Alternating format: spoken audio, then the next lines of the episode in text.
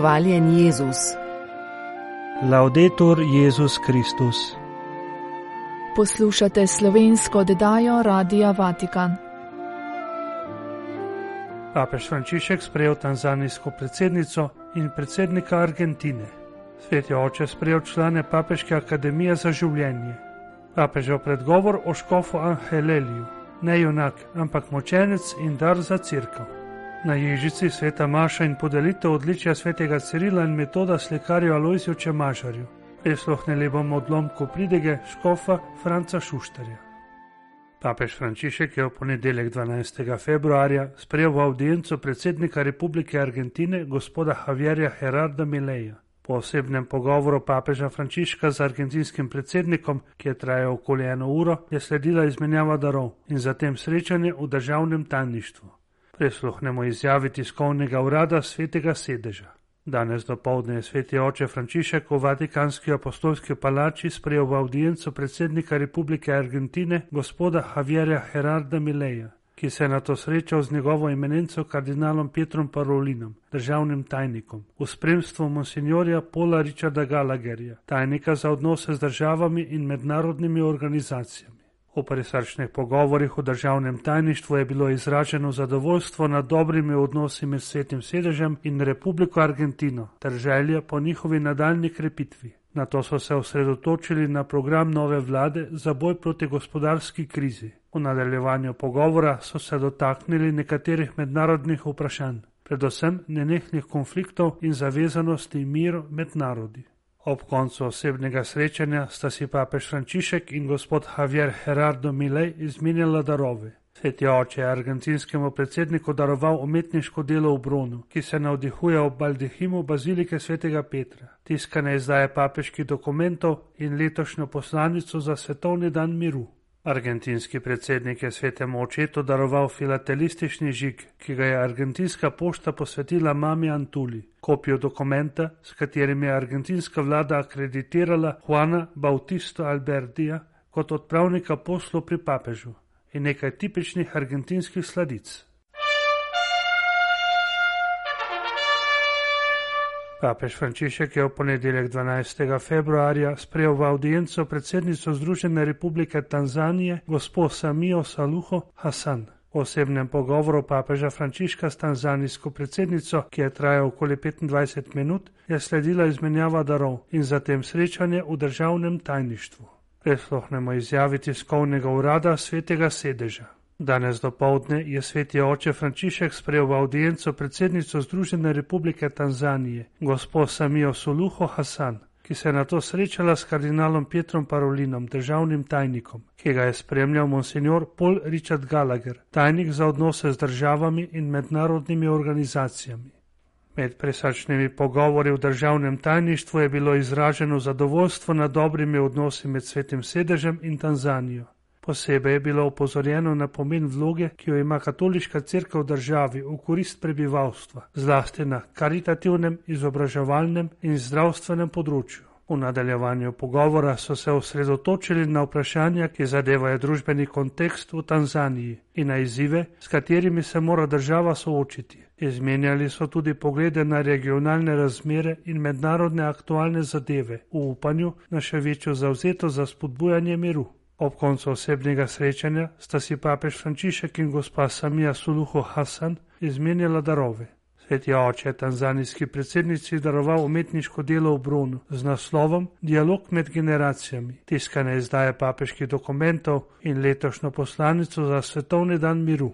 Tanzanijska predsednica je svetemu očetu podarila reprodukcijo tipičnih zanzibarskih vrat, delo lokalne obrti ter križ s kamnom Tanzanite. Sveti oče je sprejel audienco udeležence generalnega zasedanja Papeške akademije za življenje. Dejal je, da je temeljna naloga zastavljena na antropološki ravni in zahteva razvoj kulture, ki bo s povezovanjem znanstvenih in tehničnih virov zmožna prepoznati in spodbujati človeka v njegovi neponovljivi specifičnosti.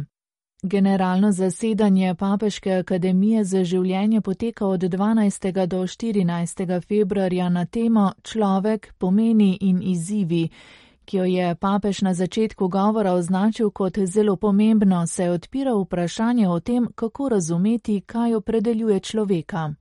Si tratta di un interrogativo antico e sempre nuovo. Gre za staro in vedno novo vprašanje, ki ga presenetljive iznajdbe, ki jih omogočajo nove tehnologije, zastavljajo v še bolj kompleksni obliki. Prispevek znanstvenikov nam odvedno govori, da ni mogoče biti a priori za ali proti strojem in tehnologijam, ker ta alternativa, ki se nanaša na človeško izkušnjo, nima smisla. In tudi danes ni prepričljivo, če se zatekamo samo k razlikovanju med naravnimi in umetnimi procesi, ter prve obravnavamo kot pristno človeške, druge pa kot tuje ali celo nasprotne človeškemu. Kar je treba storiti, pa je znanstvena in tehnološka znanja umestiti v širše pomensko obzorje in tako preprečiti tehnokratsko hegemonijo, je izpostavil papež. Kot primer je navedel poskus reprodukcije človeka s sredstvi in tehnično logiko. Takšen pristop pomeni človeka zvesti na reproduktibilne rezultate, začenši z digitalnim jezikom, ki naj bi številčnimi kodami izrazil vse vrste informacij. Tesna skladnost s svetopisemskim opisom babilonskega stolpa kaže, da je želja, da bi imeli samo eden jezik, upisana v zgodovino človeštva. Božji poseg, ki se hitro razume le kot uničujoča kazen, pa vsebuje blagoslov, ki ima svoj namen. To se kaže v poskusu, da bi usmerjenost k eni miselnosti popravil z mnogoterostjo jezikov. Človeška bitja so tako postavljena pred omejenost in ranljivost, ter ponovno pozvana k spoštovanju drugačnosti in medsebojni skrbi. Sveti oče je nadaljeval, da vedno večje zmožnosti znanosti in tehnike pri ljudeh vzbujajo občutek, da so protagonisti stvariteljskega dejanja, ki je podobno Božjemu, ki ustvarja podobo in podobnost človeškega življenja, vključno z jezikovno sposobnostjo, s katero so zgleda opremljeni govoreči stroji. Ali bi bilo torej v človekovi moči, da ulije duha v neživo snov? Skušnjava je zahrbtna je pripomnil papež in dodal, da smo zato pozvani, da razločimo, kako se lahko ustvarjalnost človeka, ki zaupa samemu sebi, izraža na odgovoren način. Gre za to, da prejete talente uporabimo tako, da pri tem preprečimo iznakaženje človeka in izničenje temeljnih razlik, ki kozmosu dajo red. Il compito principale si pone quindi a livello antropologico Temeljna naloga je torej na antropološki ravni in zahteva razvoj kulture, ki bo s povezovanjem znanstvenih in tehničnih virov zmožna prepoznati in spodbujati človeka v njegovi neponovljivi specifičnosti. Treba je raziskati, ali te specifičnosti ni mogoče postaviti nad jezik v območje patosa in čustev, želje in namenskosti, kar lahko samo človek prepozna, ceni in spremeni v odnosni smisel v korist drugih, pri čemer mu pomaga milost stvarnika. Gre torej za kulturno nalogo, saj kultura oblikuje in usmerja spontane življenjske sile in družbene prakse. Po papeževih besedah je obravnavana tema zelo zahtevna, prav tako pa sta zahtevna oba načina, s katerima k njej pristopajo člani Papeške akademije za življenje. Prvi pristop je učinkovit dialog, transdisciplinarna izmenjava v obliki, ki jo apostolska konstitucija veselje resnice opisuje kot postavitev in urenje vsega znanja v prostoru luči in življenja, ki ga ponuja modrost, ki izhaja iz božjega razodetja. Sveti oče je izrazil naklonjenost na tem, da razmislek poteka v logiki kulturne delavnice, v kateri crkev izvaja performativno interpretacijo stvarnosti, ki izhaja iz dogodka Jezusa Kristusa in se hrani z darovi modrosti in znanosti, s katerimi sveti duh bogati božje ljudstvo. Papež je izpostavil obliko dialoga, ki bo vsakomur omogočila, da razloži svoje razmišljanja in hkrati sodeluje z drugimi v medsebojni izmenjavi. To je način, kako preseči izbliževanje vedenj in začeti preoblikovanje znanja z vzajemnim poslušanjem in kritičnim razmislekom. Na drugem mestu je papež izpostavil sinodalni način, ki je ustrezno prilagojen obravnavi tem, ki so v središču poslanstva akademije. Si tratta di uno stile di ricerca esigente e. Gre za zahteve način raziskovanja, saj zahteva pozornost in svobodo duha, odprtost, da se podamo na neraziskane in neznane poti, ter osvoboditev od vsega sterilnega nazadnjaštva. Za tiste, ki se zauzemajo za resno in evangelsko prenovo mišljenja, je nujno, da postavijo pod vprašaj tudi oblikovana mnenja in predpostavke, ki niso bile kritično preverjene. V tej smeri je krščanstvo vedno nudilo pomemben prispevek, saj iz vsake kulture, v katero se je vključilo, prevzelo izročilo pomena, ki ga je našlo tam zapisanega, ga ponovno razlagalo v luči odnosa z gospodom, ki se razodeva v evangeliju, ter uporabilo jezikovne in pojmavne vire prisotne v posameznih kontekstih. To je dolga pot, na katero se je treba vedno znova podati in ki zahteva mišljenje, sposobno zaobjeti več generacij, kot je to razmišljanje nekoga, ki sedi drevesa, katerih sadove bodo jedli njegovi otroci, ali nekoga, ki gradi katedrale, ki jih bodo dokončali njegovi vnuki. E questo atteggiamento aperto e responsabile, docile allo spirito, To je odprta in odgovorna drža, poslušna svetemu duhu, ki je kot veter, ne veš, odkot prihaja in kam gre, za katerega želim prositi Gospoda za vse vas. Predstavljamo predgovor papeža Frančiška k knjigi z naslovom Enrique Angel Angeleli Poslušati Boga in ljudstvo, ki je 12. februarja išla pri Vatikanski založbi. V njej so zbrane homilije argentinskega škofa, ki je bil umorjen zaradi zauzemanja za zatirane in je bil leta 2019 razglašen za blaženega. Vsak moški, vsaka ženska, vsak vernik. Vsi smo gospodov dar, zelo dragocen dar. Vsak izmed nas je dar za vse in za vso crkav, ki se uresniči v določenem kontekstu, v točno določenem času in kraju smo konkreten dar za konkretne osebe in na ta način smo v preprostosti življenja, ki ga živimo, tudi dar za vse. Bolj ko rastemo v prijateljstvu z gospodom in z drugimi, bolj se grobosti, trdote in neskladja izravnavajo ali bolje rečeno prenehajo biti ovira za občestvo in paradoksalno postanejo naš edinstven in neponovljiv način bivanja. Specifična barva daru, ki ga predstavljamo za druge. In vendar crkva v svetnikih prepoznava ljudi, ki so dar na nekoliko širši, to je univerzalen način. Zato so razglašeni za svetnike, da bi njihovo življenje in prijateljstvo dosegla tudi ljudi, kraje, kontekste in čase, ki jim niso najbližji.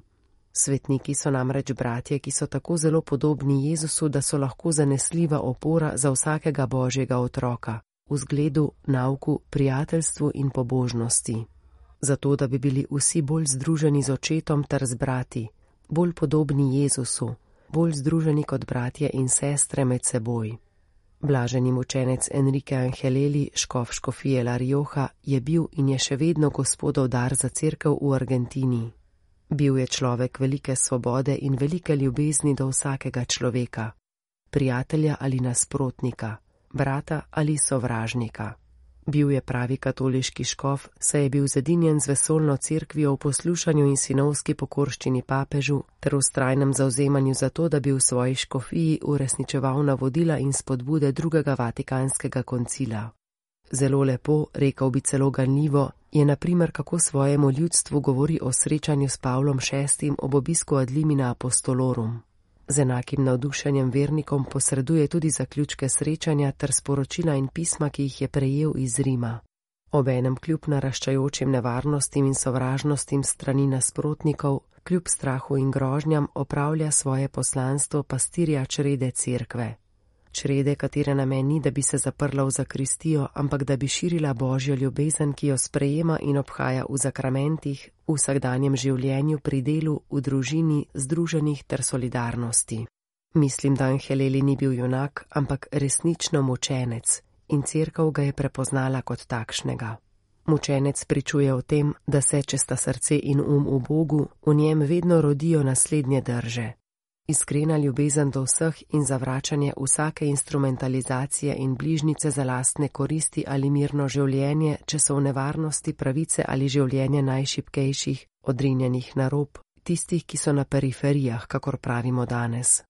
Zato so monsignor Angeleli in njegove homilije zbrane v tej knjigi z naslovom Poslušati Boga in ljudstvo lahko tudi vir navdiha in rasti pri evangelskem razločevanju izzivov in situacij, ki jih je vsak izmed nas poklican živeti v cerkvi ter v poklicnem in družinskem življenju. Monsignor Enrique je bil prav tako pastir preprostih. Ovrednotil je ljudsko pobožnost, povezano s kraji, časi, prazniki tiste dežele in ljudi, da bi v enotnosti in solidarnosti spodbujal pripadnost ljudi Kristusu in materi cerkvi. Kot priča tudi ta knjiga, je bilo njegovo pridiganje resnično ljudsko, namenjeno vsem in dostopno vsem. Zasidrano je bilo tudi v konkretnih okoliščinah družbenega življenja, da bi pokazal, da evangelij ni ideja, ter da vera ni prepričanje. Vera v Kristusa je namreč sprejemanje odnosa, ki nas spreminja v srcu, v mišljenju ter v načinu, kako gledamo nase in na druge. Evangelij nas spodbuja, da gledamo kot tisti, na katere se gleda z ljubeznijo, ter kot tisti, ki gledajo z ljubeznijo. V Žoplinski cerkvi svetega Kancijana in tovarišev mučencev je v nedeljo 11. februarja potekala sveta Maša, ki jo je daroval ljubljanski pomočni škof monsignor dr. Franz Šušter. V imenu Slovenske škofovske konference je akademiku slikarju Alojziju Čemažarju izročil odličje svetega Cirila in metoda, najviše priznanje katoliške cerkve v Sloveniji. Slovenski škofje so namreč 21. novembra lani na 144. redni seji Slovenske škofovske konference sklenili, da odličje svetega Cirila in metoda podelijo akademskemu slikarju Alojziju Čemažarju za zvesto služenje cerkvi med Slovenci. Presluhnemo odlomko škofove pridige. Bog je ustvaril človeka po svoji podobi nas vabi, da z njim sodelujemo. Svojega svetega duha pošilja nam ljudem, da bi z njim sodelovali. To se še posebej odraža pri umetnikih. Bogu smo hvaležni za vse vrste umetnikov, saj so odprti svetemu duhu, da z njim so ustvarjajo lepoto, delajo za resnico, dobroto in pravičnost. Prav v umetnosti, v ustvarjanju se razodevajo božje skrivnosti in božje resnice. Zato smo danes hvaležni, da se lahko veselimo z gospodom Lojzetom Čemažerjem, z njegovimi domačimi in z vami, župljani njegove župnije. Gospod Lojze bo namreč prijel odličje svetega Ciril metoda za zvesto služenje cerkvi sa strani Slovenske škofovske konference. Cerkev s tem priznava, kako je gospod Lojze odprt za delovanje svetega duha in božjo misel ter božje skrivnosti prenaša v svoje slike. Teh slik je izredno veliko število, tako v cerkvah, na križevih potih, v kapelah in kapelicah, v knjigah in na plakatih, v obliki slik na papir, platno in les ali pa na freskah in vitražih.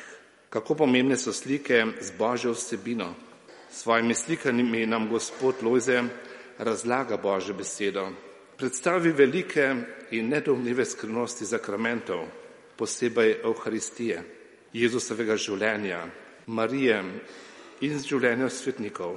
Na neki način nam omogoča, da se z očmi dotikamo Gospoda, doživljamo njegovo bližino in ga počastimo.